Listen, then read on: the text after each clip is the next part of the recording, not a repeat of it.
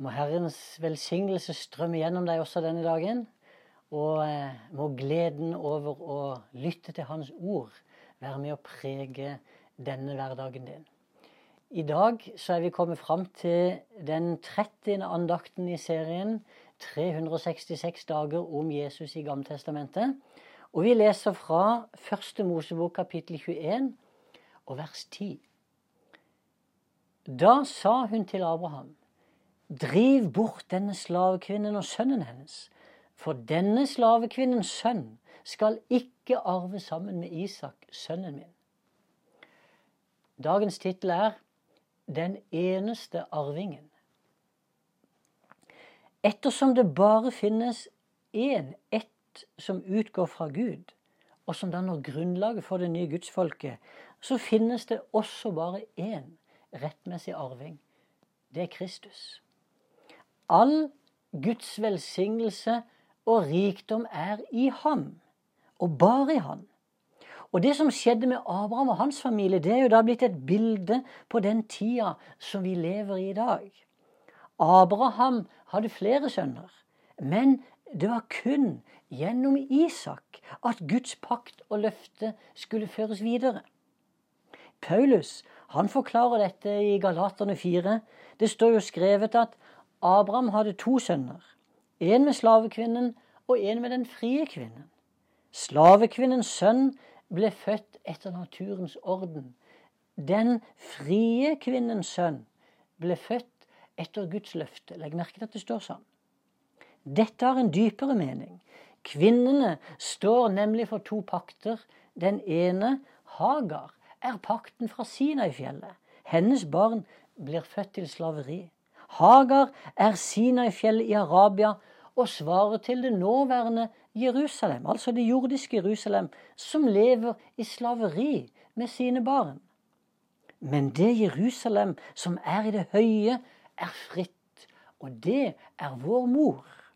For det står skrevet Gled deg, du barnløse som ikke fødte.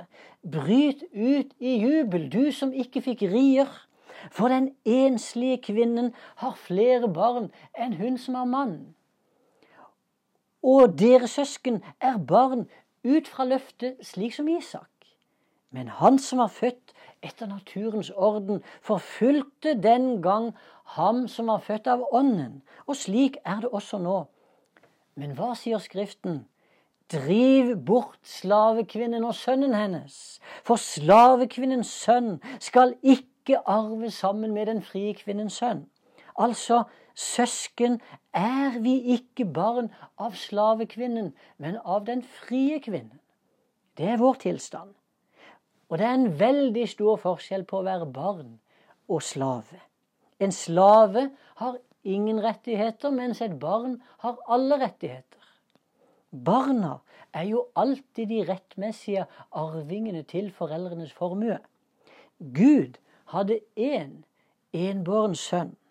Han er enearving til Guds formue. Han, Jesus, er den nye Isak som ble født i tidens fylde. Men Guds hensikt med å sende sin sønn, det var jo mye større enn bare å gjøre kjent hvor rik han er. Ved å gi sin sønn til verden som soning for våre synder, så har jo Gud vist at han inkluderer alle som sine barn som tar imot Jesus som Herre og Frelser. Vi som har fått del i Kristus, vi har også fått del i den samme arven som han har fått. Gud vil ikke holde noe tilbake av det han eier. Alle som drives av Guds ånd, er Guds barn, skriver Paulus i Romene 8. Dere har ikke fått den ånden som slavene har, så dere igjen skulle være redde. Nei, dere har fått Ånden som gir dere rett til å være Guds barn. Den som gjør at vi roper 'Abba, Far'. Ånden selv vitner sammen med vår ånd og sier at vi er Guds barn. Men er vi barn, er vi også arvinger. Vi er Guds arvinger og Kristi medarvinger. Og så sant vi lider sammen med ham, skal vi også få del i herligheten sammen med ham. Hvilket løfte? Bare barn er arvinger, ser du.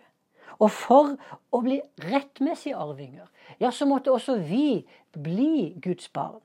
Vi var i utgangspunktet barn av slavekvinnen. Vi er født her nede under de samme kårene som alle mennesker har. Men så har altså Gud gitt oss et tilbud om å bli født på nytt.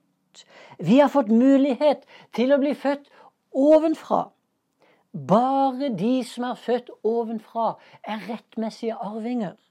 Det greske ordet som ofte oversettes med å bli født på ny, det betyr egentlig det. Å bli født ovenfra. Dette er selve hemmeligheten som gjør også oss til Guds barn og arvinger. Vi er ikke adoptert, men vi er Guds rettmessige og ekte barn.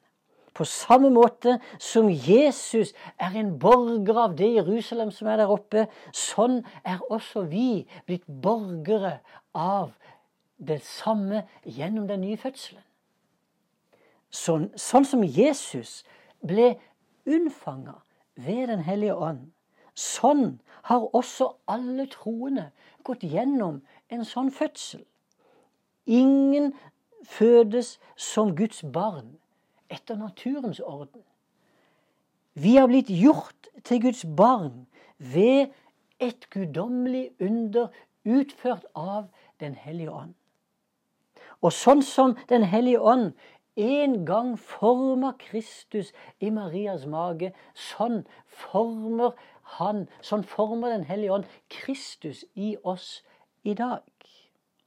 Jesu tilstedeværelse i vår liv det er en garanti for at vi er Guds barn. Og for at vi har fått del i alle ting sammen med ham, som Paulus skrev i Romerne 8. Hva skal vi så si til dette?